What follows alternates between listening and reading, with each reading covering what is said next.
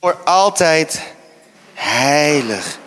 In de hemel klinkt heilig. Heel de schepping zingt heilig. U de hoogste Heer. Heilig. Voor altijd heilig. Mooi eigenlijk, hè? Ik, ik moet, als ik dat lied zing, of wanneer we dat lied zingen, dan moest ik denken aan iets wat uh, Francis Chan ooit heeft gezegd. Francis Chan is een Amerikaanse spreker, vrij bekend, was voorganger van een megachurch. Op een gegeven moment was hij daarmee gestopt, want hij dacht van jongens, het is klaar. Ik, ik begin huiskerken en nu heeft hij een heel netwerk van huiskerken. En is het stiekem volgens mij ook weer een megachurch, maar dat maakt niks uit. Maar Francis Chan zei, ik vertelde een keer dat ze hadden de worship gehad en toen kwam iemand uit de kerk naar hem toe en die zei, uh, pastor, I didn't like the worship today. Dus in de Nederlands voorganger, ik vond uh, de aanbidding niet zo fijn vandaag. En toen zei hij, oh, that's no problem, because we weren't singing for you. En ik denk, ja, maar dat is het, hè? En wanneer we dat zingen, heilig, heilig, heilig, dan maakt het niks uit. Want we zingen niet voor elkaar, we zingen voor God. En het mooie is dat God het fijn vindt, wat we ook doen, hoe we ook zingen. Hij, hij geniet ervan. Hij, hij, de Bijbel leert ons dat God woont te midden van de lofzangen van zijn volk. Dus wanneer wij beginnen te zingen, dan gebeurt er iets in de hemel. Dan, dan, dan, dan is de hemel, in de hemel is er altijd aanbidding. De hemel is vol van de glorie van God. Ik, ik, ik, ik heb geen flauw idee hoe het eruit ziet, maar als ik een beetje mijn fantasie gebruik, dan is het, een, is het de engelen scharen die zingen en die prijzen de Heer. En het is heiligheid, het is vrede, er is vreugde, er is blijdschap, er is gejuich, er is, het is geweldig. En, en dat is, daar is de worship perfect. En, en dan zegt de Bijbel dus, God woont te midden van de lofzangen van zijn volk. Dus kennelijk vindt God onze gebroken aanbidding zo leuk dat hij de perfecte engelenkoor als het ware verlaat om met ons te chillen. Hoe vet is dat? En God komt nooit alleen. God heeft zijn entourage. En zijn entourage is vrede, is vreugde, is blijdschap, is genezing, is doorbraak, is leven, is, is hoop. Dus als God ergens komt, dan komt dat allemaal mee. Ja, dankjewel Joost. Ik kan altijd rekenen op Joost. Elke kerk heeft een Joost nodig. Thanks. Ik, ben, ik, ik wilde ook amen zeggen tegen mezelf. Weet je wel, maar Priscilla zei het. We geloven echt dat we in een nieuw seizoen komen en we merken het. Afgelopen vrijdag hadden we Brave Night. En hoe vet. Ik, ik, ik, was, ik heb mezelf opgegeven als drummer. Want ik dacht, ik wil deze avond niet missen. En hoe vet was het? Het was heel kwetsbaar. Sarah had heel mooi gesproken, maar na de preek gingen vrouwen ook dingen delen. En het was zo kwetsbaar, het was zo mooi. Maar het was ook een plek van heling, het was een plek van community. Weet je wel? En, en dat is wat God aan het bouwen is. En ik geloof wanneer er een community is en wanneer geloof groeit. Die twee dingen, community en geloof en verwachting die, zijn eigenlijk, die gaan hand in hand, die zijn bijna getrouwd, geloof en verwachting. Dus community, geloof en verwachting, als die twee samenkomen, dan heb je een soort broedplaats voor wonderen. Dan heb je een broedplaats voor God om te werken. En ik geloof er echt in. Ik zie uit naar de dag dat mensen binnenkomen met hoofdpijn, met ziektes. En dat voordat er ook maar één lied is gezongen, maar omdat de community samenkomt in geloof en verwachting. En dat God daar al is, dat er al genezing plaatsvindt. Ik zal je iets vertellen. We hebben in jaren geleden, in 2001... Ik ben, wel, ik ben al best wel lang een enthousiasteling. Als je me langer kent, weet je, ik ben enthousiast. Ik ben een optimist. Uh, ik zeg altijd, ik ben niet zozeer optimistisch, maar ik geloof gewoon in een grote God. Weet je wel? En in 2001 uh, eh, had ik het wilde idee om de Escape Venue in Amsterdam af te huren. Dat was nog voordat daar kerken samenkwamen. Dat was toen echt nog een nachtclub. En ik dacht, hoe vet is het als we met de kerk naar de nachtclub gaan... en mensen soort van trikken om naar de club te gaan en dan horen ze Jezus. Dat leek me zo'n vet idee. Dus wat hebben we gedaan? We hebben de Escape toen gehuurd in 2001. En uh, we hadden flyers gemaakt. En het, het, leek alsof we... In die tijd had je Asian parties. Ja, ik ben Aziat, hè. Maar Asian parties waren bekend in die tijd. Die waren ook vaak in de Escape Venue. En dat waren dan eh, R&B feesten. En ik hield van R&B. Ik was niet zo van het hakken. Of dat boem, boem, boem. Nee, zo'n beetje, weet je wel... Mm. Ik ga geen liedjes zingen uit die tijd, want die zijn niet van Jezus. Ik hou me in. Maar je had vroeger bands die waren niet zo christelijk als Jodeci en zo. Dat was echt, was echt nice. Maar oké, Jezus. Jezus. Maar dat hadden we dus toen gedaan. We hadden flyers en dat waren dan in anime poppetjes op de voorkant. Dat deden we met Asian parties. En dan anime en dan, uh, en dan Asian party. En we DJ's, artiesten uit het buitenland en alles. En, en, en, en, en als je wel eens vroeger naar, naar, naar Escape ging, dan wist je als je een rij had, dan werden er dingen uitgedeeld. Er zitten kinderen in de zaal. Maar dingen die ervoor zorgen dat, dat er niet nog meer kinderen komen, zeg maar. Die werden dan uitgedeeld in de rij. En uh, wij deelden dus ook iets uit, maar wij deelden chupa chups uit. Weet zijn allemaal kinderen van God. Wij deelden chupa chups uit. Dus, uh, oh, we hebben volgens mij een impromptu kids uh, opeens. Zie je? Je kan altijd rekenen op Ommi. Thanks, Ommi. En uh, we deelden chupa chups uit. En als je Amsterdam een beetje kent, dus, en het Rembrandtplein kent, dan de rij van de Escape liep van de Escape helemaal naar de Febo. Maar waarom vertel ik dit allemaal? Er kwamen dus mensen binnen met, met ziektes en zo, die hoofdpijn hadden, echt niet, zich niet lekker voelden. En we hoorden dus verhalen dat mensen binnenkwamen en dat de pijn wegging. En er was geen muziek, er was helemaal niks. Er was verwachting en er was een community. Je, ik geloof als verwachting en geloof en community samenkomen, dan is alles mogelijk. Dus dat is de reden waarom ik zo enthousiast ben. En we hadden natuurlijk altijd al een community en we hadden altijd wel geloof en verwachting, maar soms heb je seizoenen. En we zitten nu in een seizoen waarvan we denken van ja, en we blijven het ook uitspreken, want dat mensen erin meegaan. Weet je, dat je het hoort en verwacht. En hoe vet zou het zijn als dit een plek is waar God gewoon wonderen en tekenen doet. Niet omdat wij zo geweldig zijn, maar omdat Hij een geweldig God is. Dat is toch vet? Dankjewel Joost. Ik zie mensen knikken. Het is echt, ik, ik geloof erin. En daarom dat we ook deze reis door Marcus aan het gaan zijn. En deze reis, nou ja, vorige week sprak ik via het scherm. En toen had ik het over het hart. Ik weet niet of jullie dat nog weten, maar vorige week ging het over uh, dat je van de Heer moet houden met geheel je hart, je ziel, je verstand en met al je kracht. Dat je all in moet gaan. En, en heel veel mensen hebben toen ook gereageerd op die oproep om all in te gaan. Hier in de zaal hoorde ik, ik kreeg een appje van Joost van ja, mensen hebben een hand opgestoken. Ik, keek, ik zag in de chat dat allemaal vingers omhoog gingen. Weet je, mensen gingen all in. En dat heb je nodig. En, en, en ik zei toen vorige week ook al, Jezus toen is nu bezig hè, met deze serie. Zo, hij is al in Jeruzalem, Palmzondag is geweest. Ja, in het verhaal dan hè. En nu komen de laatste lessen. We hebben de tempelreiniging gehad. En nu, vorige week was het dus dat je met alles wat in je is, moet je van God houden. En van je naaste als jezelf. En dan vandaag gaan we verder in diezelfde flow. En dat is leuk, want dan pakt Jezus een thema op waar we in Nederland niet altijd even dol op zijn. Leuk is dat, hè? Dus ik dacht, dit is een leuk thema. Want wij zijn Reconnect, we wonen in Nederland, maar wij zijn anders. Wij houden van de thema's die schuren, toch? Ja, mooi. Want, want, want je zou kunnen denken van waar gaat Jezus dan over hebben? Hij heeft het die tempelreiniging. En Lisbeth heeft een hele mooie twist daaraan gegeven. Dat God echt de communicatie zoekt, de intimiteit zoekt met ons. Vorige week dus met heel je hart van Jezus houden en van je naaste houden zoals je van jezelf houdt. En dat is dus eigenlijk zoals Jezus van jou hebt gehouden en, en dat je dat mag doorgeven, zijn liefde. En dan nu, waar zou het dan nu over gaan? Het bouwt op. Nou, het leuke is, ik wil jullie meenemen naar Marcus 12 zodat jullie ook echt weten en echt zien dat het ook echt klopt wat ik zeg. Het is, we gaan in die flow mee. Marcus 12. En daar doet Jezus iets. Ik denk als een willekeurige voorganger dat zou doen. In Nederland, dan wordt iedereen boos. Echt waar. Maar let op, Marcus 12, vanaf vers 41. En dan zien we Jezus in actie in die laatste week van zijn leven. Eh, wanneer je denkt, dit zijn de belangrijkste lessen die moeten komen. Hier gaat hij iets laten zien. En dan zijn we in vers 41. En wat doet Jezus? Hij ging tegenover de offerkast zitten en keek hoe de mensen er geld in wierpen. Nou, even serieus, hè? als een willekeurige voorganger, predikant, dominee in Nederland bij het collectemandje gaat zitten en gaat kijken hoe mensen er geld in doen. Echt serieus, dan schrijft een krant er meteen iets over. Weet je, van in deze kerk gaat het om het geld. Want de leiders zitten naast de offerkist. En ik, zeg, ik ga het niet doen hoor, maak je niet druk. Maar Jezus deed dat. Dat alleen als denk je van, oké, oké. En ik heb nergens in de commentaren gelezen, dat is normaal, alle, alle rabbies deden dat. Maar Jezus ging gewoon mee. Oké, nice. En dan zegt hij, veel rijken gooiden veel geld in de kist.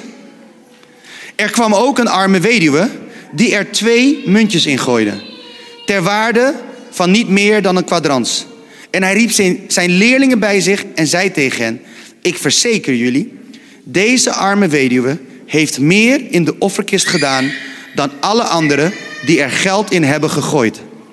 Want die hebben gegeven van hun overvloed. Maar zij heeft van haar armoede alles gegeven wat ze had. Haar hele levensonderhoud. Jezus keek en zag de rijker er veel geld in gooien en die arme weduwe. Hij zag het. En, en weet je wat, wat, ik heb een paar lessen opgeschreven. En een van de lessen die me als eerste raakte was. Jezus ziet ons wanneer we geven. En dat kan je op twee manieren interpreteren. Je kan het zien als Jezus als, als, als strenge meneer, die dan kijkt, geef je wel genoeg? Of je kan het zien als Jezus die met de liefde van de Vader naar ons kijkt. En kijkt van, hé, hey, wat gaaf dat je geeft van wat je hebt. Twee totaal verschillende invalshoeken. En ik moet zeggen, toen ik deze zin opschreef, Jezus ziet ons wanneer we geven, dacht ik als eerste, oeh, hoe gaat dat overkomen? Straks denken mensen, oh Jezus kijkt alleen maar naar, het gaat om het geld, het gaat om het geld, het gaat om het geld. Maar het gaat helemaal niet om het geld. Het mooie is, Jezus kijkt naar ons en hij ziet ons in ons geven. Hij ziet je wanneer je geeft. Dus ook wanneer je denkt, ik weet niet of je het herkent, maar ik heb wel eens momenten gehad in mijn leven dat ik niks gaf, omdat ik dacht, ja, ik kan niet veel geven. En wat helpt dat kleine beetje, dan geef ik maar niks. Dat was in energie, dat was in middelen, dat was in alles. Weet je, denk van, ah, ik kan toch niks, wat kan ik brengen? Nee, nee, daar heeft niemand wat aan. Oh, ik kan, maar, ik kan maar eens in de twee maanden iets doen bij de kids. Ja, daar heeft niemand wat aan. Of ik kan maar 10 cent geven, want ik hou eigenlijk maar 10 cent over. Is alles wat ik heb. Ja, maar daar heeft niemand wat aan. Weet je, misschien herken je dat, misschien herken je dat niet, maar ik had dat wel. En ik dacht, nou dan geef ik maar niks, want ik wilde pas geven als ik echt kon geven. Ik wilde pas iets doen als ik er klaar voor was. Maar je bent er nooit klaar voor. Want er is altijd iets mis. Er is altijd iets te weinig. Er is altijd tijd. Er is altijd iets, vooral in deze tijd. Weet je, en, en toen ik dit zag, dacht ik, oh wacht eens even. Jezus ziet mij als ik gewoon maar breng wat ik kan brengen. Ook al stelt het niks voor. In mijn ogen. In zijn ogen stelt het de wereld voor. Hoe vet is dat dat Jezus zo naar jou en mij kijkt? Ik vind dat mooi. Het, het heeft mij enorm bemoedigd om nooit te stoppen met geven. Met tijd, met energie, met middelen, nooit. Want ik dacht, ook al is het niks, het is iets. Ook al is het in mijn ogen niks, het is iets voor Jezus. En dat is heel bijzonder. Dat is heel bemoedigend dat Jezus zo naar ons kijkt. Ik bedoel, ik vind dat heel bemoedigend. Want dat ontslaat ons eigenlijk van de aanklacht die we soms over onszelf uitroepen. Of de schaamte waar het afgelopen vrijdag over ging als je een vrouw bent en je was bij Brave Night. Waardoor we soms verstijven en niks doen en wachten op het moment dat we wel iets kunnen doen. Maar vandaag klinkt de uitnodiging. Hij ziet je wanneer je geeft. En het maakt niks uit hoeveel je geeft. Maar het gaat erom hoe je geeft. Het gaat er niet zozeer om hoeveel je geeft, maar hoe je geeft. Jezus kijkt naar het hart. Hij kijkt naar binnen. Hij kijkt van waaruit je geeft. Ik vind het heel mooi in uh, Spreuken 11, vers 24 heb je een tekst en in de message parafrase staat die super mooi. Daar staat: uh, The world of the generous gets larger and larger. The world of the stingy, stingy, stingy gets smaller and smaller. Dus de wereld van de vrijgevige wordt groter en groter. En de wereld van de gierige wordt kleiner en kleiner. En dat klopt. Gierigheid is vaak gericht op jezelf. Of het is vaak een mindset van tekort. En daarom maakt dat je wereld letterlijk kleiner. Gierige mensen zijn zelden een kanaal van zegen. Echt waar. En misschien ken je ze, misschien ben je hem zelf. Mag, weet je, er is geen veroordeling in Christus, gelukkig, prijs de Heer. Maar er is wel een betere weg in Christus, altijd. We kunnen altijd groeien. Maar misschien ken je dat en ik ga een voorbeeld nemen. Ik, ik ken dus iemand, ik ga geen namen noemen. Die persoon zit ook niet hier, dus je hoeft ook niet na te denken wie is die persoon. Maar dat is zo'n persoon, je weet als je met die persoon, als die persoon zegt: hey, zullen we gaan lunchen? Dat jij altijd moet betalen. Altijd. Altijd. En dan nog leuker, als je dan gaat eten, zegt die persoon: Oh nee, ik hoef niks. Ik neem alleen wat water, kraanwater. Maar dat die persoon van jou mee eet. Ik ken echt zo'n persoon. Ik ken echt zo'n persoon. Het is echt hilarisch. En dan eet je en dan denk je, oké, we, we splitten, want je hebt de helft van mijn bord opgegeten. Nee, ik heb, ik heb niks besteld. Je hoeft niet te zeggen als je die persoon bent, maar zo. Maar waarom ik dit vertel is, ik moet er zelf een beetje om lachen, maar zo'n persoon is niet echt een kanaal van de overvloed die God geeft, zeg maar. En dat bedoel ik niet als een oordeel, maar gewoon als een praktisch voorbeeld. Gierige mensen zijn vaak ook niet leuk om mee te chillen. En ik heb, er is een verschil tussen gierig en zuinig. Hè? Sommige mensen zijn gewoon zuinig. Vrijgevige mensen kunnen heel zuinig zijn. Maar gierige mensen, die, zijn, die denken alleen maar aan zichzelf. Of dat ze altijd, die, die leven uit in een angst dat ze altijd tekort hebben. Dat zijn vaak de twee motivaties om gierig te zijn. Als, als je niet bang bent voor tekort, ben je zelden gierig. Of je bent dan een egoïst, dat kan ook, dan ben je ook gierig. Maar, snap je wat ik bedoel? Maar als je zo leeft, wordt je wereld vanzelf kleiner. Want steeds minder mensen willen met je uit eten. Echt waar. Ik ga niet meer met die persoon lunchen. Of thuis. zeg ik, jij wil je lunchen? Kom, kom bij ons thuis. Is goedkoper. Weet je wel, en dan hebben we genoeg eten. Zo'n wereld wordt kleiner, maar je kan het ook anders zien. Je wordt kleiner, want je kijkt alleen maar naar jezelf. En als je alleen maar naar jezelf kijkt, dan is die wereld heel klein. Gierige mensen die hebben een steeds kleiner wordende wereld. En dan worden de problemen ook steeds groter. Want als je alleen maar naar jezelf kijkt en alleen maar tijd hebt om naar jezelf te kijken, dan, dan zie je ook wat er allemaal mis is. En er is genoeg mis aan jezelf, maar dat is bij iedereen. Maar als je alleen maar gericht bent op jezelf en je kijkt alleen maar naar jezelf en je vergeet om te kijken naar de Heer, die je de opdracht geeft om te kijken naar de ander, dan zie je alleen maar de problemen die jij hebt.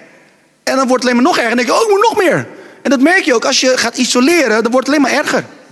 Als je in zo'n spiraal komt van isolatie, zo'n neerwaartse spiraal, dat je een beetje bijna een kluizenaar wordt, dat, dat, dat gebeurt vanzelf. De wereld van de gierigen wordt kleiner en kleiner. Maar het ding is, God is verre van gierig. Hij, hij is vrijgevig. Hij is vrijgevig tegen het roekeloze aan. En je had toen dat lied Reckless Love. En er was heel veel controverse omheen. Want mensen zeiden, hoe kan je zeggen dat God roekeloos is? Nou, ik denk dat je het best wel kan zeggen. Want als je kijkt naar de lente en de bloesem komt. Dan zie je dat die bomen schitterend mooi zijn. En mensen genieten ervan. En mensen maken er foto's van. Het is super mooi. Maar hoe lang is die bloesem er? Maar voor een paar weken. En dan is het weg. Maar dat is God. God die maakt dingen mooi en het maakt niks uit voor hoe lang het is. Hij maakt het mooi voor dat moment en hij pakt flink uit. Kijk naar de natuur. Jorine zei het al, als je naar buiten loopt en je wandelt. Ga wandelen in de duinen en je ziet hoe mooi de natuur is. God pakt uit. Hij is vrijgevig in schoonheid. Hij is vrijgevig met de dingen die hij maakt. Hij is vrijgevig in de schepping. Zo mooi. Hij is zo vrijgevig in, in, in de allerkleinste details. Hij is vrijgevig in schoonheid en details. En als laatste voorbeeld, het ultieme voorbeeld van vrijgevigheid is Jezus. Die zijn leven geeft aan het ruwhouten kruis van Golgotha. Zo vrijgevig in leven en liefde. Niemand gaat daaraan voorbij. Niemand kan dat matchen. De vrijgevigheid van de Vader. En ik vind het mooi, iemand zei ooit dat we het meest op God lijken wanneer we vrijgevig zijn. Vrijgevig zijn in alles. Want God is vrijgevig in alles. En vrijgevigheid zet ons als het ware ook apart. En als je me niet gelooft, zou je eigenlijk het Oude Testament moeten bestuderen. Daar waar God de, de wetten gaf, de regels gaf. En daar gaf hij de regels van de tiende ook als een wet. Als een soort sociaal systeem voor het Joodse volk. Maar dat is niet het enige. Een van de dingen die God ook leerde was... als ze de oogst binnenhaalden, en misschien weet je dat wel... dan moesten ze niet langs de randen gaan. Ze moesten niet het onderste uit de kan halen. God gaf een regel. Haal niet het onderste uit de kan. En als er iets valt, dan raap je het niet op. Maar dan moet je het laten liggen voor de vreemdeling, voor de weduwe, voor de wezen, voor de zwakkere. God gaf een wet aan zijn volk om niet het maximale eruit te halen, zodat er overbleef voor de ander. Dat is best wel anders dan hoe we hier in Nederland soms denken, als ik heel eerlijk ben, of niet? Toch? Maar als wij niet alles eruit halen wat erin zit voor onszelf, dan is er gewoon meer voor de ander. Er was altijd genoeg voor de vreemdeling en de, voor de zwakken in die tijd. Wanneer je, daarom was het Joodse volk, Israël, was een, een veilige plek om naartoe te vluchten. Want er was genoeg voor jou. Ook als niemand je meer zag zitten. Ook als niemand je zag staan. Er was genoeg voor jou. En ik droom ervan dat wij als kerk, als community, de mensen die hier zijn, de mensen die het later terugkijken, de mensen die het later terugkijken of later terugluisteren, dat, dat we een community mogen zijn waar, waar dit leeft. Waar we groeien in vrijgevigheid. Waar we niet schrikken als we Jezus zien zitten bij de kist. Wanneer we iets geven. Dat we denken van nee, maar dit is het beste wat ik kan geven. In tijd, in middelen, in alles. Dit is het beste wat ik kan geven. Heer, u weet het, u ziet mijn hart. Dit is het beste. En dat, dat, dat, dat, dat, hoe mooi is het als we een community zijn waarin Jezus in de hemel opschept bij zijn engelen en zegt, zag je dat?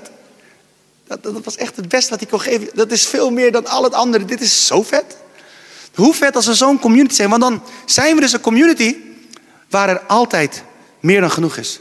Waar er meer dan genoeg vrijwilligers zijn. Waar er meer dan genoeg middelen zijn. Waar, waar alles wat God ons op het hart geeft om te doen, dat we het gewoon kunnen doen. Omdat iedereen in beweging komt.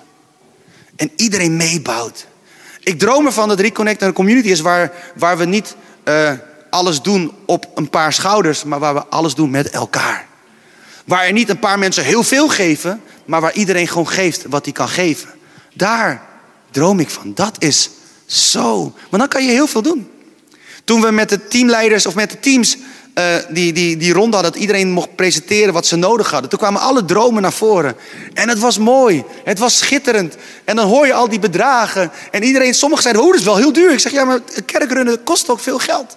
Zo'n Brave Night kost veel geld. Ja, er waren bijna 60 vrouwen, waren er wel. Als het er niet meer waren. We hadden 70 stoelen en dan staat er daar nog wat mensen. Laten laten we het veilig houden, 60 vrouwen, misschien 65. Zoiets. En zo'n avond kost geld. Als je afvraagt hoeveel kost zo'n avond, nou best wel veel. Om en nabij de 800 euro.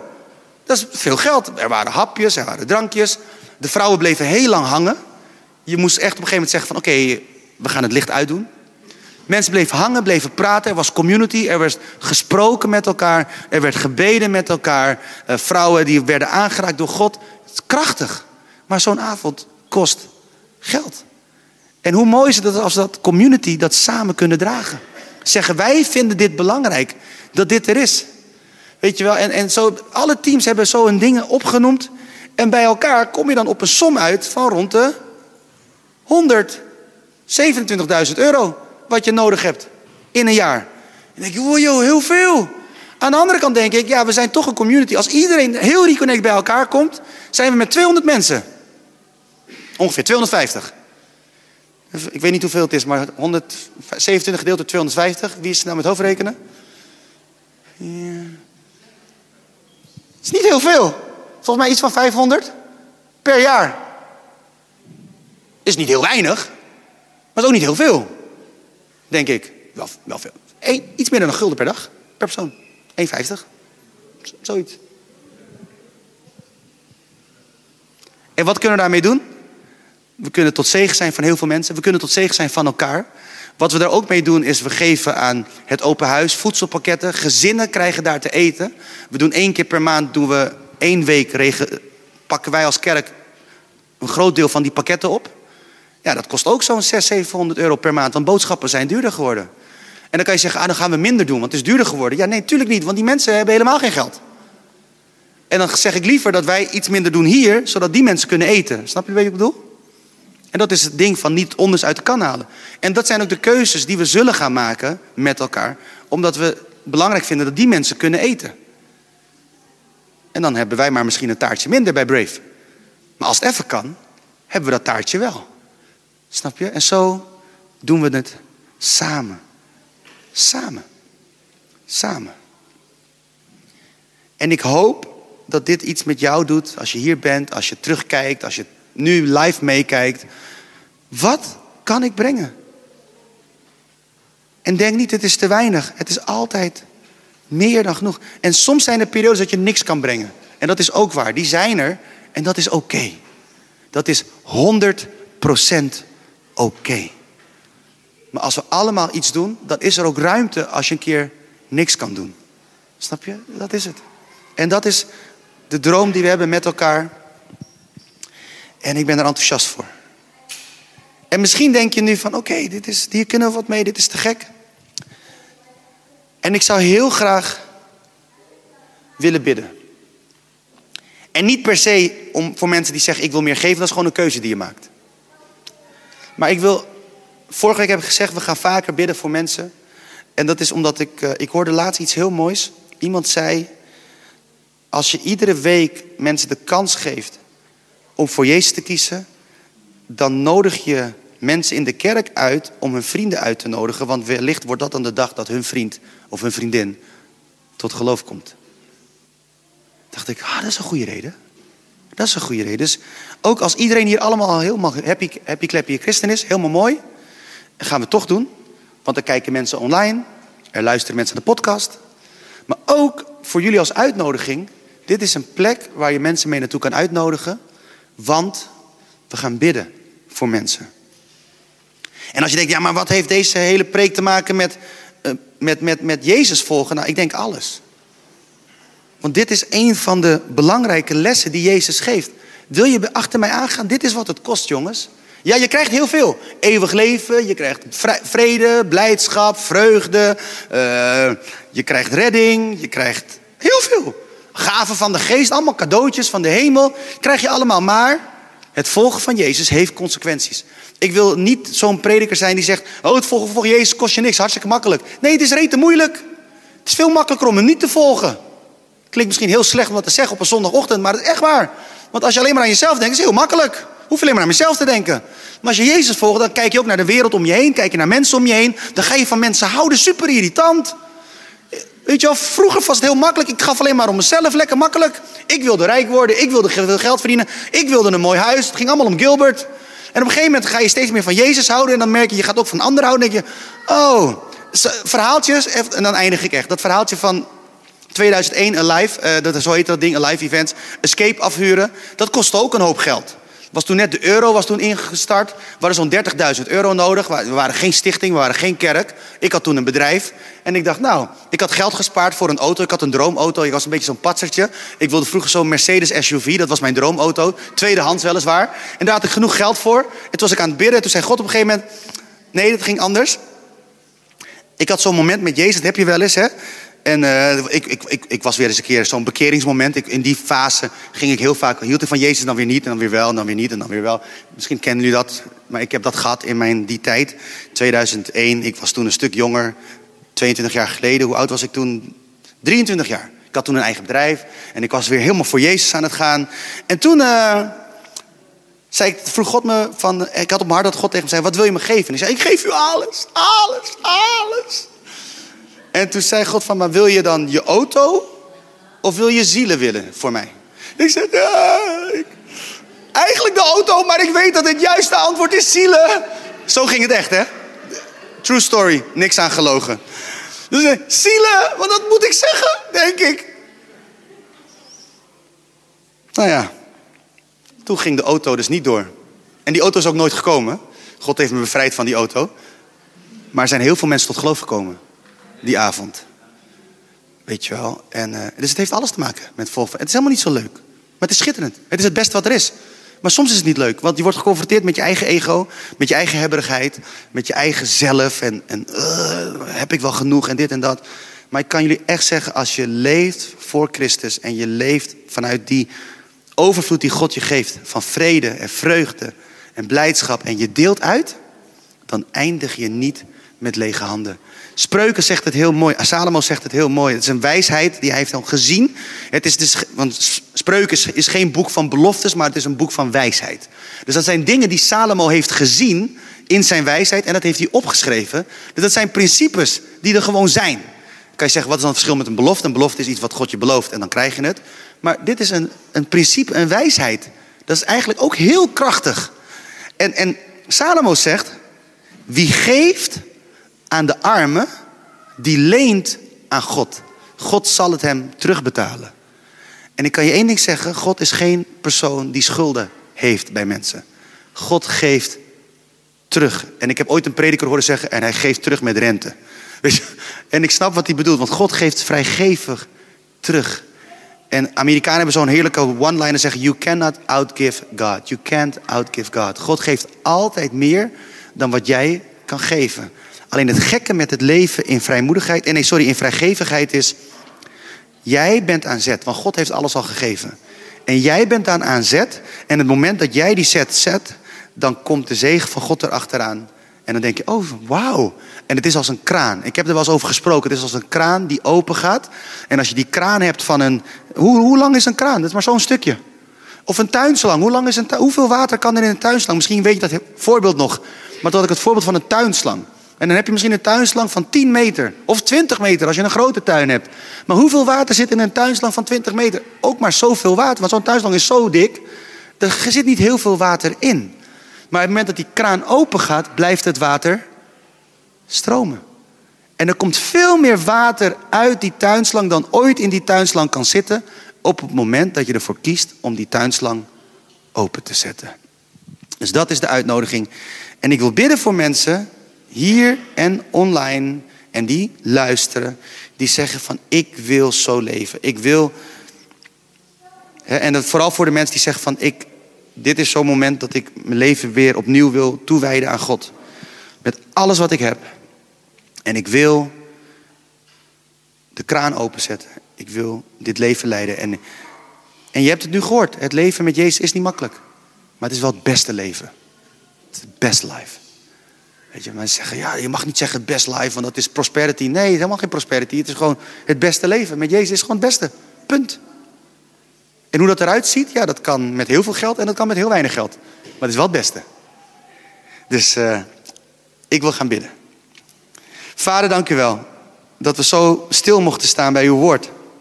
En dank u wel dat uw woord ons uitdaagt en dat het soms ook gewoon schuurt. Heer, en ik dank u wel dat uw woord ons oproept om vrijgevig te zijn. Heer, Heer Jezus, dat u aan in die laatste week dit soort lessen nog steeds deelde. Na de tempelreiniging, na God liefhebben met geel je hart, je ziel, je verstand en al je kracht en je naaste als jezelf. Na al die belangrijke lessen gooit u er deze nog in. Dat u ziet wat we geven en wanneer we geven met ons hart. Wanneer we geven uit, zelfs uit een tekort. Dat u dat ontvangt en dat u dan zegt dat dat veel meer waard is dan al het alle rijke giften die er zijn gedaan, de grote giften. Heer, help ons om die stap te nemen. Als we dat nog niet hebben gedaan. Om te geven vanuit vrijgevigheid. Om te leven vanuit vrijgevigheid. In onze tijd, in onze energie en in onze middelen.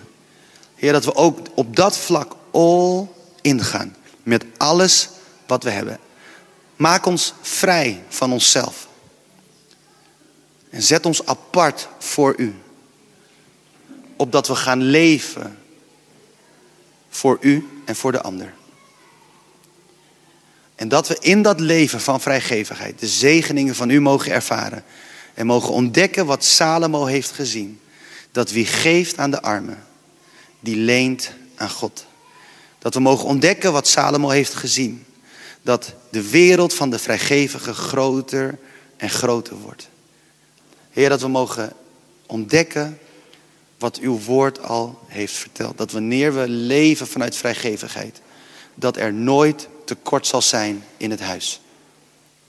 Heer, ik bid dat dit een huis mag zijn wat een kanaal is van overvloed tot eer van uw naam.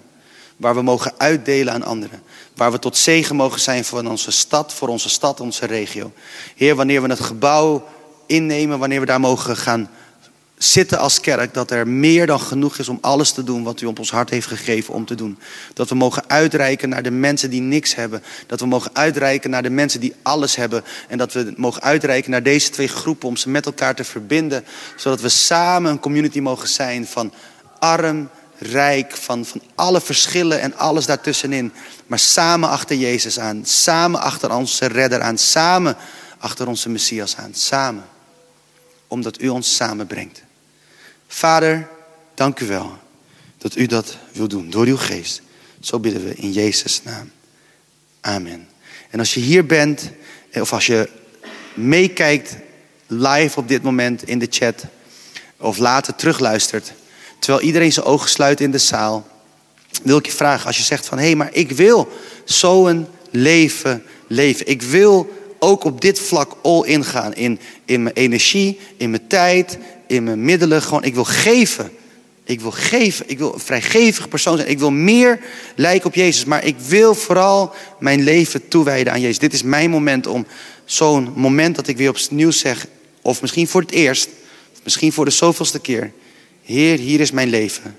Ik wil leven voor u. Wat het ook kost. Ik leg mijn leven af om uw leven te leven. Als jij die persoon bent, of je nou online kijkt, of hier in de zaal bent, of dat je dit nou later thuis hoort. Zometeen wil ik met je bidden en ik wil tellen tot drie. Ik tel tot drie en dan mag je hand opsteken of je mag in de chat je vinger laten zien of uh, iets. Maar waarom vraag ik dat? Het is een soort symbolische stap aan de buitenkant om te laten zien wat God aan de binnenkant aan het doen is nu door zijn geest. soms heb je dat nodig, dat je een soort eikpunt hebt, een ankerpunt hebt, een soort mijlpaal. Dat je weet van dit is een dag waar God iets heeft gedaan in mijn hart. Het is ook niet zomaar iets lichts, iets zomaar iets standaards. Nee, het is een stap die jij zet omdat je zegt van ja, ik wil vandaag mijn leven toewijden aan Jezus. Als jij die persoon bent, zometeen als ik bij drie ben, dan mag je je hand opsteken. Of je mag dus waar je bent, ook thuis, je hand opsteken of in de chat je vinger laten zien. En dan gaan we daarna bidden. En als we bidden, dan wil ik vragen of iedereen in de zaal mij meebidt, mij, mij nabidt. Zodat we samen dit gebed bidden met de mensen die dit gebed misschien voor de eerste keer bidden. Oké, dus dat gaan we doen. Dus als jij die persoon bent, één, weet dat Jezus heel veel van je houdt. Hij heeft alles gegeven. Alles wat, wat, wat je nodig hebt, heeft Hij je al gegeven. Zijn liefde, zijn genade, zijn vergeving.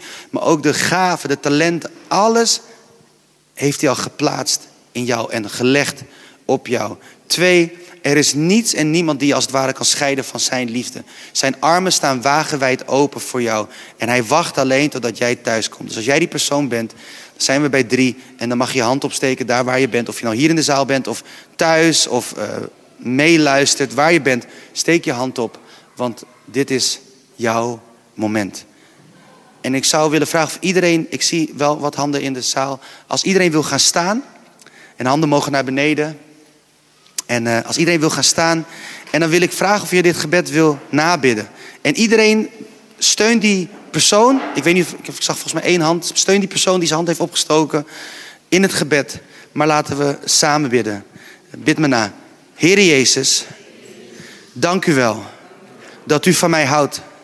En dank u wel dat u uw liefde heeft gegeven. En vandaag ontvang ik uw liefde. En ik zeg ja tegen u. Ik wil alles geven aan u. Heer, het draait niet meer om mij, maar het draait om u. Ik geef mijzelf aan u. Vergeef mij de dingen die ik verkeerd heb gedaan. En help mij om te leven naar uw wil. Heilige Geest, u bent welkom in mijn leven, in mijn hart. Dank u wel. In Jezus' naam bid ik. Amen. Hey Gilbert hier, bedankt dat je hebt geluisterd naar de podcast van Reconnect Community Church. Ik hoop en bid dat je er niet alleen door bent bemoedigd of geïnspireerd, maar dat deze uitzending jou ook weer meer heeft mogen wijzen naar Jezus en zijn liefde, genade en trouw voor jou en voor mij. En als jij, net als wij, ook enthousiast bent over deze podcast, dan kan je ons helpen door je te abonneren op ons kanaal en deze overdenking te delen met vrienden en bekenden. Mocht je ons ook financieel willen ondersteunen, dan kan dat via reconnect.cc/geven. Je helpt ons dan om dit te blijven doen, zodat wij mede dankzij jouw steun mensen kunnen blijven bereiken met het goede nieuws van Jezus. Bedankt voor je betrokkenheid en je support.